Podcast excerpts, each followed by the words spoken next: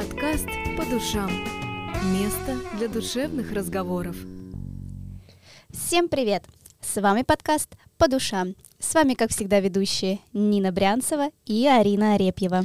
И сегодня у нас в гостях психолог Наталья Ланская, с которой мы поговорим о том, с чем все мы так или иначе сталкиваемся в своей жизни, с ревностью. А, давай сначала разберемся, что это вообще такое. Она ведь разная бывает, не только в отношениях между мужчиной и женщиной. Я правильно понимаю? А, во-первых, всем добрый день. Да. А, отвечая коротко и емко на твой вопрос, конечно же, да. Ревность бывает абсолютно разной, и это большое заблуждение, что мы рассматриваем ревность только в ключе а, отношений мужчины и женщины. Ревность может быть как к работе, как к свободному времени, как к увлечениям. И еще иногда по степени эмоциональных проявлений ревность можно даже спутать с завистью. То есть в каждом э, симптоме, да, потому что ревность это симптом, в каждом симптоме нужно разбираться отдельно, uh-huh. но, конечно же, это чувство, которое касается многих сфер жизни, и настолько узко на него смотреть, как только оно касается противоположного пола, uh-huh. это заблуждение. Но смотри, а, а откуда, ну вот элементарный вопрос. Мы знаем, что ревность есть. Но вот непонятно, откуда она пришла в нашу жизнь и вообще зачем она нам нужна. Может быть, есть этот вопрос, зачем нам нужна ревность? А, вопрос классный, вопрос, а, как я бы сказала, я люблю таких клиентов, если бы ты пришла ко мне, поскольку я психолог, и к психологу часто доходят уже такие осознанные люди, да, которые понимают, что не просто с ними что-то не то, а с этим что-то надо делать, точнее, все то, просто с этим что-то надо делать. И если мы будем говорить, зачем ревность нам нужна, то тут можно разделить э, ответ на этот вопрос на такую бытовую психологию, да, такую кухонную, это говорится. Ну, чтобы разбудить страсть, чтобы внести перчинку. Но это лирика, да. Угу. На самом деле ревность нам нужна. Это как звоночек а, о том, что, наверное, нам бы классно поработать с самооценкой. Угу. То есть самооценкой, с внутренним фундаментом, с уверенностью в себе, но а, сразу уточню, что бывают люди разного темперамента. И для кого-то ревность — это вот опять-таки вернуться к тому первому моменту такой бытовой психологии, а давай сделай так, чтобы он поревновал, или если в ваших отношениях... Никогда не... этого не понимала. Э, ну, ну, такое есть. Но такое есть, да. Советуют да, да, да, да. И я даже, э, помните, раньше э, был популярен такой журнал «Космо», ох, что же там не только... Всякие тестики. Да, да, да, да, тестики, элементы манипуляции, а как, а как, как там вот заставить его. Как, как заставить да. его, а как сделать так. И эм, у меня уже с подросткового возраста была любовь к психологии, я терпеть не могла этот журнал, потому что я чуяла, ну что-то здесь все-таки не то. В бред каждом... бредом, да? Не то, что бред, но то, что там было написано, да, это такой очень э, субъективный взгляд, и надо было делить это на два, но э, журнал носил э, развлекательный характер, mm-hmm. да, mm-hmm. поэтому это имело место быть, но для кого-то ревность это действительно чувство, которое что-то им подтверждает, подсвечивает. Они таким образом, опять-таки, самоутверждаются, ощущают, что их mm-hmm. любят, но все же, возвращаясь к такому ответу психолога, это звоночек о том, что с нашей самооценкой, уверенностью, с нашей личной ценностью а, что-то что там недоработано. Mm-hmm. И ревность, конечно же, можно связать со многим количеством страхов, например, страх потери. Угу. Слушай, я вот готовилась к подкасту, uh-huh. а, прочитала какую-то умную мысль на каком-то, возможно, не очень умном сайте. а, ревность... Сейчас проверим. Да, вот я хочу это проверить. Было это космо или нет? А, ревность обычно возникает тогда, когда эмоциональная связь становится эмоциональной зависимостью. А, это так? То есть ревность — это еще и звоночек о том, что с отношениями что-то не так? А, смотри, здесь в, угу. а, вообще во всей в этой фразе здесь есть два момента. Угу. То есть ревность а, возникает тогда, когда речь идет об эмоциональной зависимости. Ну, по сути, эмоциональная зависимость, она с ревностью, она ходит рядышком, mm. наверное, угу. так. Если мы будем говорить а, об о, о такого рода отношениях. Uh-huh. И если э, вернуться вообще к теме отношений, то mm-hmm. отношения бывают нормальными, ресурсными, mm-hmm. э, ведущими, скажем так, в развитие обоих людей, а бывают созависимыми. Угу. Поэтому если речь об эмоциональной зависимости, то там будет и ревность, а, и манипуляции, угу. и э, какие-то, и, и, естественно, страхи, угу. и другие токсичные эмоции, и, как в простонародье говорят, вынос мозга, чего там только не будет. Угу. Вот, угу. поэтому... Одно из проявлений просто. Да, угу. это, безусловно, это одно из проявлений, это один из симптомов. Угу. И, конечно же, ревность бывает, то есть вообще можно разобраться с понятием ревности э, в таком ключе, насколько она ресурсно, потому что, в принципе, наверное, она такой тоже может быть. Угу.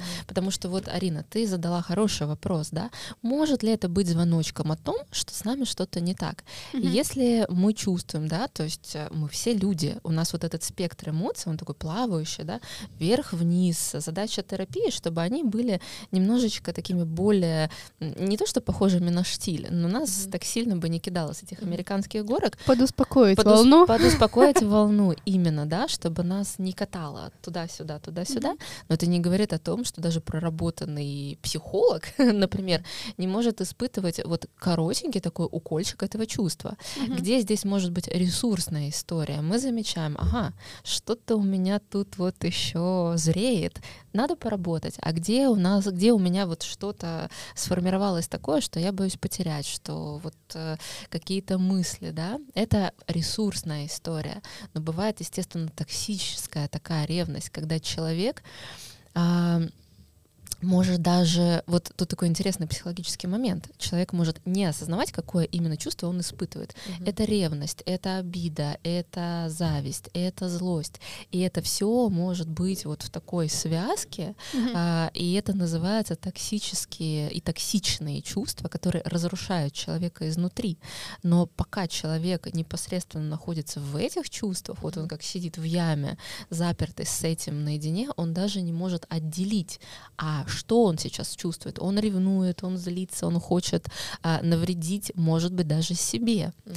Поэтому, да, такое тоже бывает. Это уже говорит о такой токсичности, а, жесткой созависимости. Это может быть звоночком каким-то а, действительно психическим ну, расстройством, да, назовем это так. И сейчас этих расстройств, которые утвердил наш ВОЗ, э, вагон маленькая тележка, и в принципе все это считается легким отклонением от нормы, но это большой звоночек.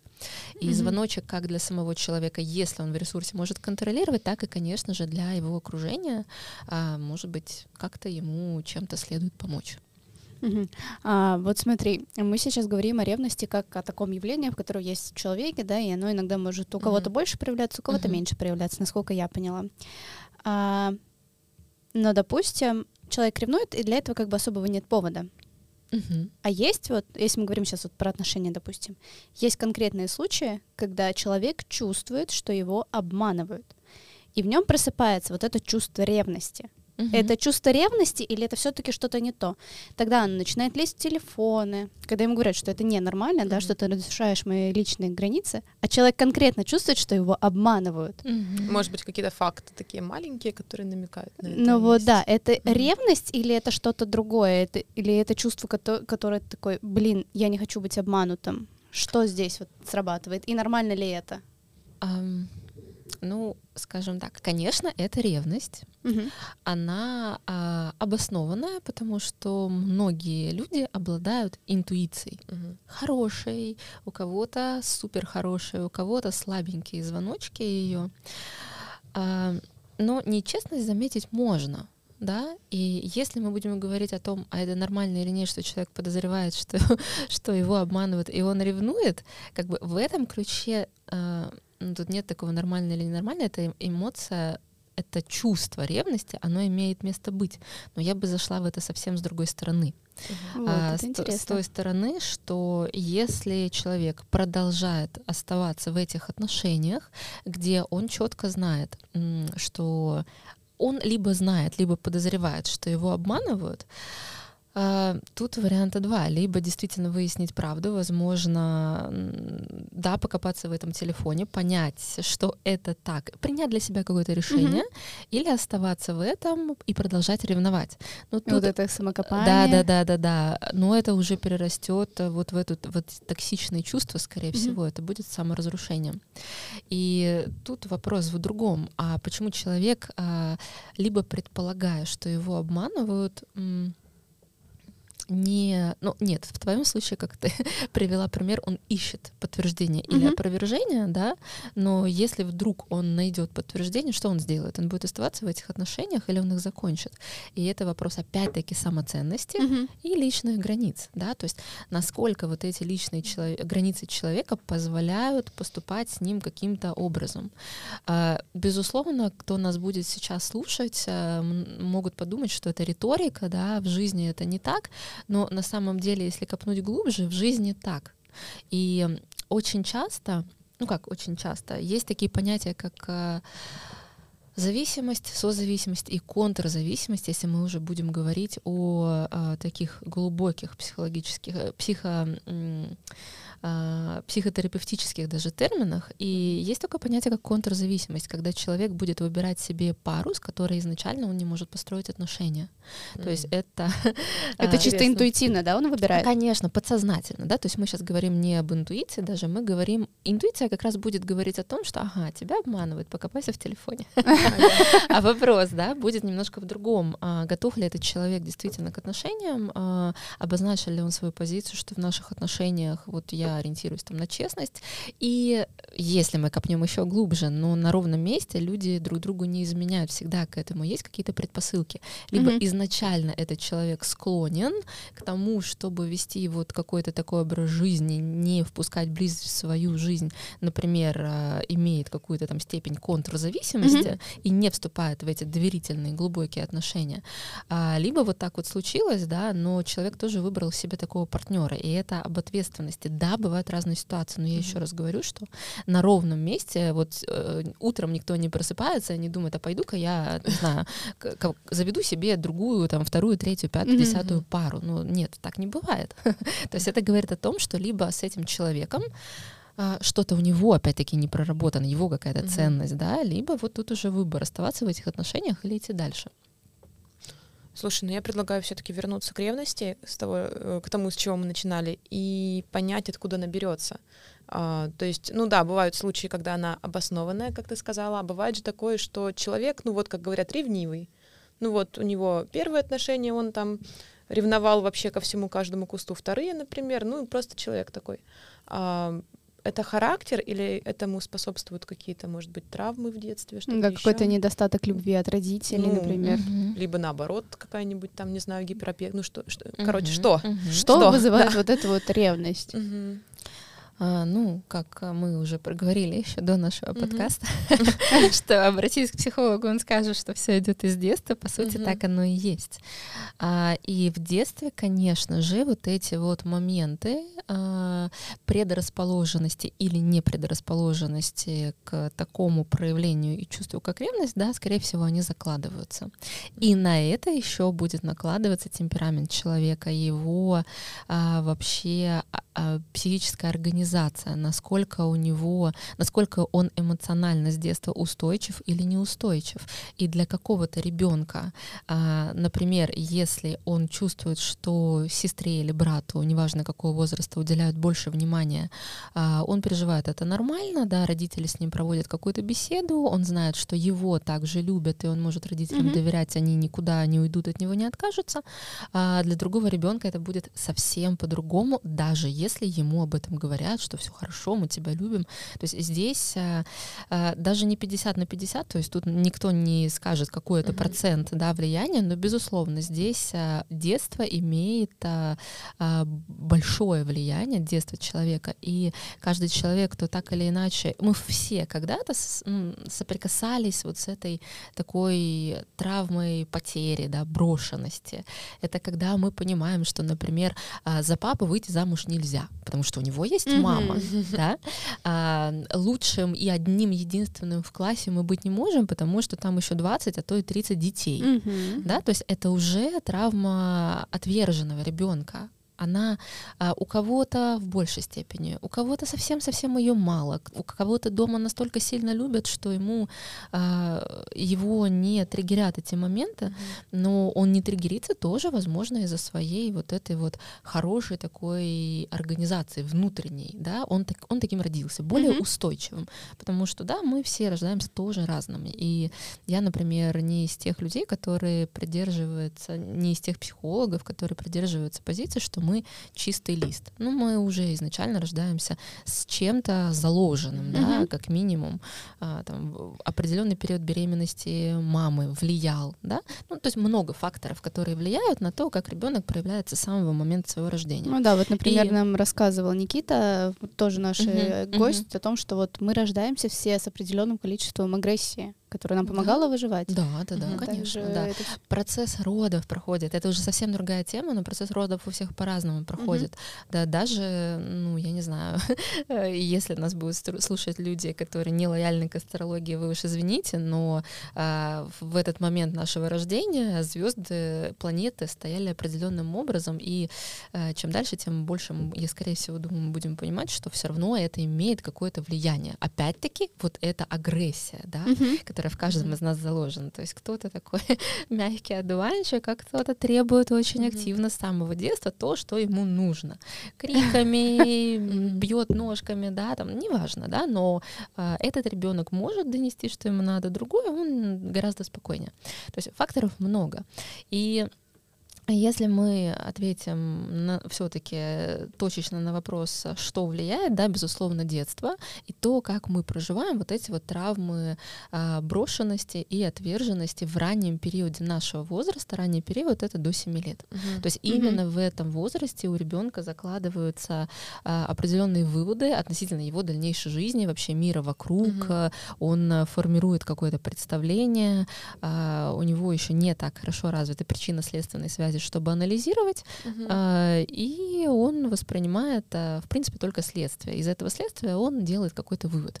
Это все формируется в нашей жизни в наш период до 7 лет. Это Слушай, ну период брошенности, вот ты говоришь, это же, наверное, ты имеешь в виду не то, что там ребенка, например, в детский дом отдали, и вот это у него травма. Это же какие-то, может быть, микротравмы, которые не Конечно, очевидны конечно. взрослым. Да, Мгм. и безусловно, это может быть вообще для нас, взрослых, абсолютно а, стандартные бытовые ситуации, Мгм. но для ребенка, как я уже сказала, поскольку причинно-следственные связи у нас в этот период времени ну, скажем так, они в принципе еще не развиты, да, то есть ребенок не может а, проанализировать, почему мама сейчас уделяет внимание, допустим, новорожденной сестре, просто потому что она требует к себе внимания, ей надо поменять там какую-то одежду, да, или покормить ее, а ребенок может сделать вывод, что вот ему сейчас предпочли кого-то другого, и Мгм. то же самое э, есть риск перетянуть во взрослую жизнь. Мгм. Но если мы посмотрим, опять-таки, то, с чего мы начали, на всю эту картину целостно, понимая, что это зарождается э, ревность, да, зарождается тема на сегодня именно ревность, она зарождается в нашем детстве в том числе. все, что потом происходит, это просто какие-то наслоения, да, это новые ситуации, новый опыт. Но если в детстве это чувство сформировалось, то человек, пока он его не проработает, будет тащить его в взрослую жизнь. По сути, поиск партнера часто для людей, э, у кого вот эта вот самоценность, само, ну да, самоценность даже больше не самооценка, вот это внутренний стержень, он еще не доработан. Человек думает о том, что на кого-то другого он может положиться и хотел бы положиться лучше и больше, чем на себя. Да? То есть вот роль этого взрослого когда-то это была мама, когда-то это был папа, у кого-то там бабушка, у кого-то, может быть, старший брат, которому а, ревновали, но это старший значимый взрослый, то есть равно сильный, а, сильная фигура. И человек боится ее потерять. Оттуда рождается ревность. То есть, когда мы приходим к тому, что, ну да, с нами вот э, рядом сильный взрослый партнер, но я тоже сильный взрослый человек, да, самодостаточный, и если что-то случится, а, где мне надо будет реагировать каким-то образом, это не важно, это а, обеспечить себя, заняться, я не знаю, там, увеличением своего финансового достатка, просто обеспечить себе жизнь, да, там как-то постоять за себя. Если мы знаем, что mm-hmm. я справлюсь, то, в принципе, это чувство ревности, оно автоматически будет нивелироваться. Но пока мы ожидаем это от кого-то другого, что mm-hmm. кто-то заменит нам родителя, ну, это, это все подсознательные uh-huh. процессы, да. То есть uh-huh. мы не анализируем это. Uh-huh. Никто не анализирует, пока он находится в этом, пока он находится в состоянии ревности. Uh-huh. Слушай, а если вот, допустим, обратную ситуацию взять, и это какой-нибудь, например, мужчина, который ревнует женщину свою, он же, наверное, не проецирует на нее э, значимого взрослого. А почему нет? Ну, не знаю. Мне он кажется, также... что скорее, возможно, он как-то смотрит на нее как на что-то свое, на что-то... Как собственник, ну, да, есть же такие, например. Да, безусловно, есть, конечно. А, ну, там Мужчина может сказать, она моя, все, точка. А возможно, кстати, вот в таких и случаях точно так же э, у него маму его забирали, и мама не уделяла ему времени. Конечно, возможно. А, каждый случай, который связан с ревностью, с какими-то страхами, как мы говорили о том, ревность это просто симптом, да, это не что-то отдельно стоящее. Mm-hmm. И в ревности есть э, какие-то другие предпосылки, и ходит она рядышком с какими-то другими чувствами. Mm-hmm. И как я уже в самом начале сказала, что, возможно, это тоже страх потери, mm-hmm. то, конечно же, такая история проекции, она может быть да, угу. переносы, проекции, это немножко разные вещи психологии, но тем не менее это все может быть. То есть когда а, кто-то в нашем окружении напоминает нам ну, мужчине, mm-hmm. например, женщина, своей заботой. Безусловно, спросить мужчину, кого он ищет, он же, конечно, не скажет, что он ищет маму. Ну, это было бы... Mm-hmm. Это было, бы странно. странно да. Было бы странно, и это уже такой непосредственно момент обращения к психологу, но тем не менее... Мы, кстати, на предыдущих с вами подкастах тоже говорили о том, что мы подсознательно ищем людей, похожих на, вот, например, на наших родительских фигур.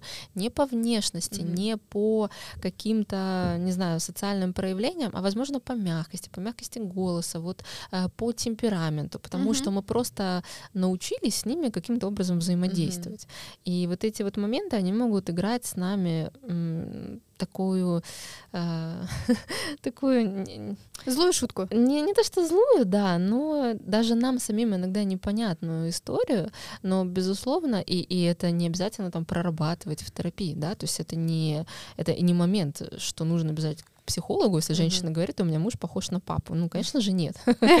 Да.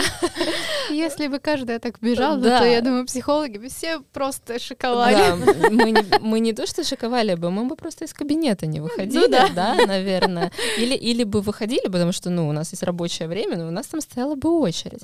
Вот, то есть это не совсем об этом, это, не хорошо, не плохо. Но тем не менее, вот как Нина привела пример, конечно, такое может быть если мы будем разбирать какой-то конкретный случай. Mm-hmm. Но человек в этот момент, я бы хотела, чтобы mm-hmm. мы все это понимали, он не дает себе в этом mm-hmm. отчет. Но если бы он пришел, например, ко мне на приемную сессию, и мы бы начали с ним работать, то, скорее всего, есть шанс, что какая-то травма отвергнутости, а, брошенности, не обязательно, что мама ушла, куда-то уехала, и ребенка бросила, вот как ты сказала, mm-hmm. отдала куда-то. Конечно же, нет. Если, например, мама уходит на работу, оставляет ребенка mm-hmm. с няней, а ребенок очень хочет маминого внимания, и это происходит каждый день, угу. то ребенок, например, в свои 2-3 года а, каждый день проживает чуть-чуть эту травму брошенности. Угу. То есть эта травма, она у него наслаивается, наслаивается, наслаивается, потом он просто учится с ней жить.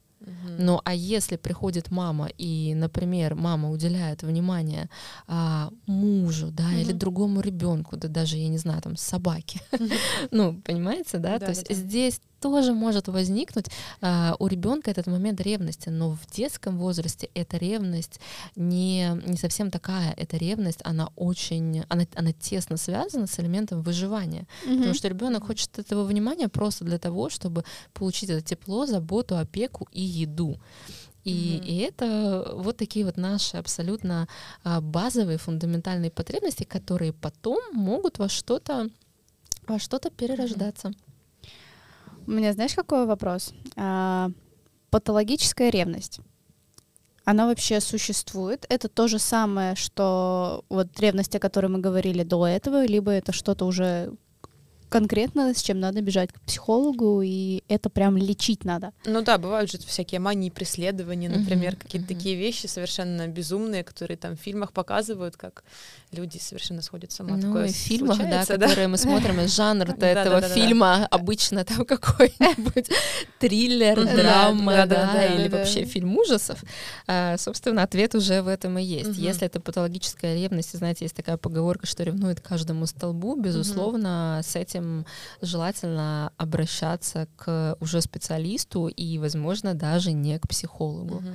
То есть э, это лечит, э, это, возможно, уже какой-то даже звоночек э, обратиться к психиатру, то есть это может быть тема психиатрии, не для того, чтобы сейчас кого-то пугать, Мгм. безусловно, нет, но чтобы мы не строили иллюзий, что если вот рядом человек, у кого настолько вот, этот, вот эта боль, да, вот эта травма, настолько она сильна, что она туманит все, и он начинает ревновать мужчину или женщину к столбу, к работе, к спортзалу, к, я не знаю, к кому, Да, к соседу, Сиди дома, надень хиджаб и никуда да, не да, вылазь. да, да, Мгм. да, да, то ну это либо а, такой момент, чтобы когда мы знакомимся с такого рода партнером, послушать вообще, что он говорит, уже сразу сделать выводы. Но если вы вступаете в эти отношения, ну, как бы здесь ответственность у вас есть тоже, да, чтобы, чтобы понимать, что а, мы все, в принципе, способны хоть чуть-чуть анализировать, Мгм. да, уже выстраивать эти причинно-следственные связи, что вот если на первом этапе,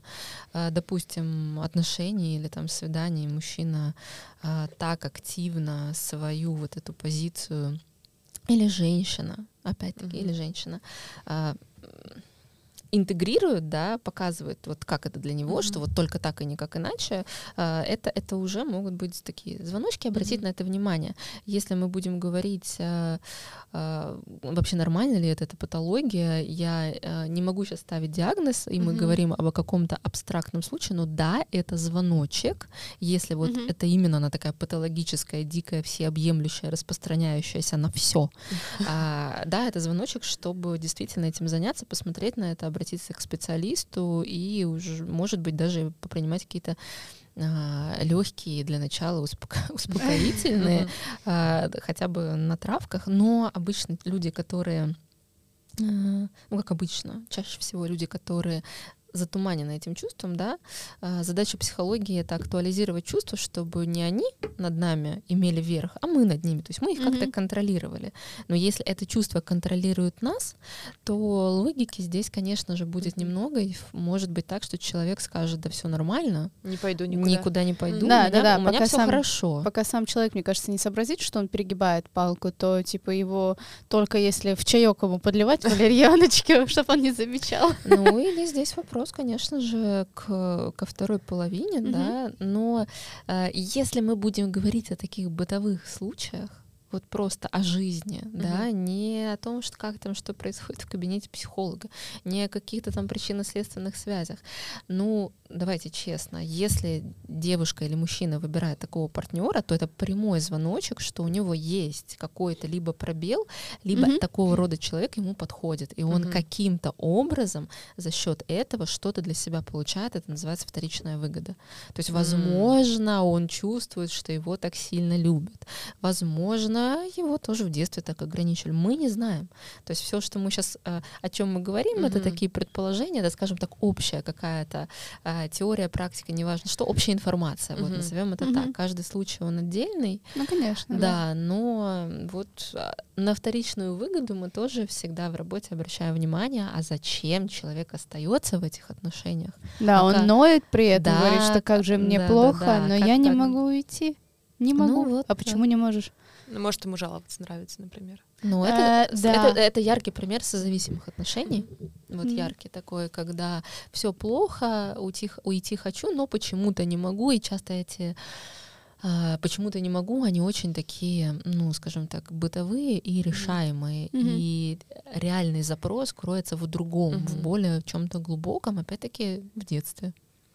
Вот ты сейчас сказала про то, что, э, может быть, человеку нравится на все жаловаться. Я вообще вчера, по-моему, посмотрела какое-то видео в YouTube, и там тоже психолог говорил о том, что есть э, вторая сторона нарциссизма когда человеку, ну вот э, нарциссизм это тот, кто говорит, да я самый лучший, да я самый красивый, да посмотрите на меня.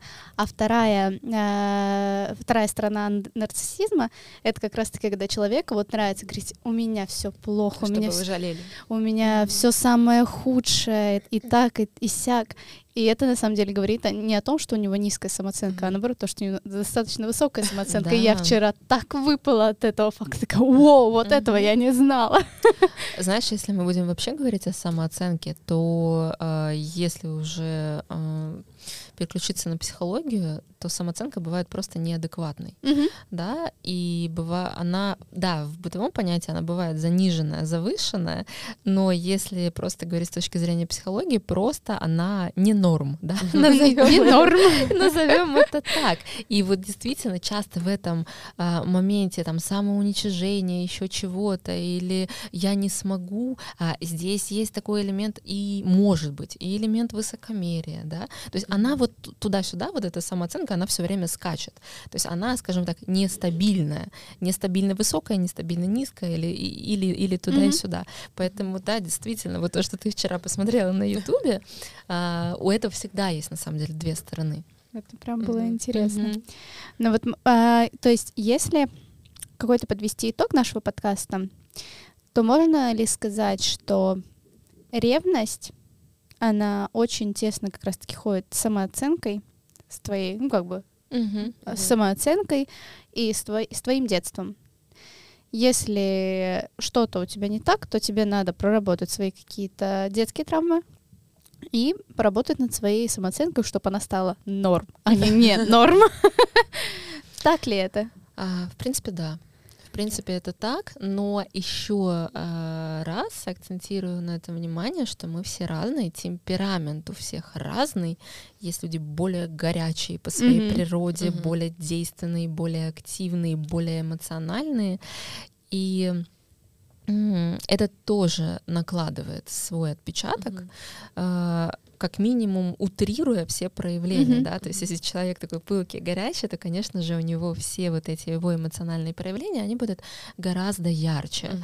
Но, в принципе, если действительно вот так вот суммировать все, о чем мы говорили, да, ревность напрямую связана с самооценкой, с внутренним стержнем, внутренним фундаментом, с э, травмами э, отвергнутости, брошенности, с травмами потери, со страхом потери, который, в принципе, тоже идет из детства.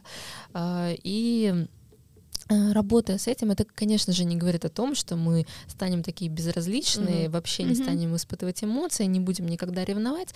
Нет, просто а, эмоции станут немножко другими. И ревность, даже если она будет, она будет гораздо более, возможно, даже конструктивная, да, Да. чтобы Да. такая нем- немножечко поддерживать а, вот этот вот огонек в отношениях, Мгм. но уже не для самоутверждения, что меня любят или там меня не бросят, не из страха, а для кого-то просто там чуть-чуть разнообразия, Мгм. может быть, какие-то яркость эмоций. Но главное, вот на чем после вот этой работы, э, если человек этим занимается, сделать акцент, что мы учимся ее контролировать, да, мы Мгм. научаемся это делать. Вот, но в принципе, да, все, все, как ты сказала, действительно это связано. То есть мы должны научиться брать верх над своими эмоциями, девочки. Ну, Довольно сложная И задача. мальчики. Но а, мне кажется, мне кажется, ну и я, наверное, тоже, я говорю, я все всегда на себе примеряю. Когда ты берешь контроль над своими эмоциями и начинаешь уже немного эмоции как бы отодвигать и логически какие-то вещи продумывать, то жизнь-то становится легче и спокойнее. И тебе не приходится валерьянку жрать. То есть, ну, как бы такие элементарные вещи, когда ты начинаешь элементарно проговаривать, допустим, какие-то вещи про себя, в себе самой слух. И вот это ты прям правильно помогает. сказала, уже брать над ними контроль. Но есть такая история, если человек попадает в травму, да, в травму детства, да, то есть он как попадает, а, его переживания актуализируются настолько, что они похожи по Мгм. степени концентрации вот с этой детской историей, Мгм. ну, это детская, это может быть и подростковый возраст, абсолютно неважно, а, то контролировать здесь из э, головы очень и очень сложно. Мгм. То есть все-таки для этого вот и существуют психологи, психотерапевты, которые помогают эти травмы проработать. Мгм. Если у человека этих травм в детстве не было, то он вполне может а, а, контролировать, анализировать, и у него это получится. То есть это не говорит о том, что у каждого есть травмы, но а, задача такая, чтобы мы брали верх над своими эмоциями, как-то их контролировали, озвучивали, проговаривали, прописывали, лечили у терапевта а, уже в сухом остатке таком проработанном, возможно, делились этим с партнером, говорили, что нас Мгм. это беспокоит, нас это волнует, Кстати, но делали важно, да. это Мгм. очень уже экологично, а не в этом порыве эмоций, не разбираясь вообще, Мгм. кто перед Да, да, нами, да, да. мама, папа, муж, я не знаю, там ребенок, да. Брат, чтобы сестра, да, сват. брат, сестра, чтобы это все было а, уже, скажем так, проработано, Мгм. а, выдано, когда уже проработано. Вот к этому, конечно, классно стремиться, и ты права, что жизнь становится гораздо проще, эмоциональные качели становятся меньше, требует это гораздо меньше наших эмоциональных сил, Мгм. и это позволяет нам идти вперед, достигать каких-то совсем других целей, не копаться в себе, не маскировать Мгм. там свою ревность и не говорить, да нет, все хорошо, да. С такой да, натянутой улыбкой, а заниматься чем-то гораздо Мгм. более ресурсным. э, Для кого это что, для кого творчество, для кого работа, для кого, я не знаю, там помощь, все что угодно, просто там пойти побегать, но а, эмоциональный фон у нас в этом случае, если мы с этим поработали, хоть чуть-чуть, проговорили, прописали, поработали с психологом, он уже, конечно же, меняется. И жить, да, становится Мгм. легче. Слушай, ну такое классное руководство к действию, просто захотелось взять, встать, пойти что-то там прорабатывать. Мы каждый раз не такие, сейчас подкаст закончится, идем прорабатывать все, что не проработано. Но да, вот у нас реально получился такой э, коротко, но очень емко, я бы так сказала. По То есть, делу, По делу, так, по да. делу. А, У нас получилось сегодня обсудить тему ревности, а, как она вообще проявляется, нормально это, ненормально, что с этим делать, э, в каких случаях надо бежать уже не к психологу, а к психотерапевту, Психиатр, да. к психиатру, К да. психиатру, да. Э, Прям вообще прикольно. Спасибо тебе на то, что ты к нам снова пришла в Да, С гости. удовольствием. Ну, я думаю, Благодарю за ваши вопросы. Не последний раз. Да. Ну, а с вами, как всегда, был подкаст «По душам», ведущие Нина Брянцева и Арина Репьева, и наш гость Наталья Ланская с темой про ревность. Всем пока! Всем пока. Всем пока. Подкаст «По душам». Место для душевных разговоров.